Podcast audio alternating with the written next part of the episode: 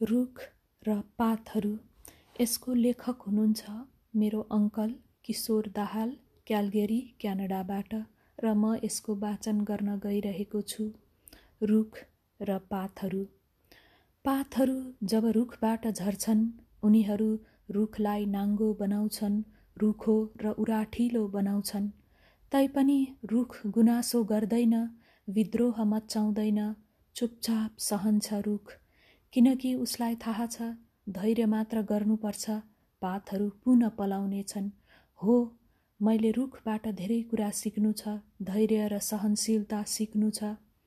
पातहरूबाट पनि धेरै कुरा सिक्नु छ। बेला आएपछि पातले रुखको साथ छोड्नु छ। यो नियति हो भोगाई हो पातको र रुखको। आफ्नै अङ्गले साथ छोड्नुपर्ने आफ्नै शरीरलाई त्याग्नुपर्ने परस्पर छुट्टिनुपर्ने। पातहरू जब भुइँमा खस्छन् उनीहरू जमिनलाई साथ दिन्छन् मल बनिदिन्छन् जमिनलाई ऊर्जा थपिदिन्छन् अनि बेला बेला हावा चल्दा सङ्गीत भरिदिन्छन्।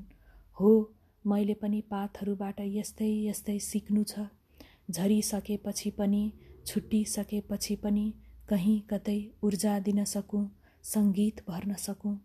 मलाई बिस्तारै अवगत हुँदैछ रुख र पातहरू समय चक्रको नियम पालना गर्छन्। म पनि त कहिले रुख हुँ जस्तो लाग्छ कहिले पात। धन्यवाद।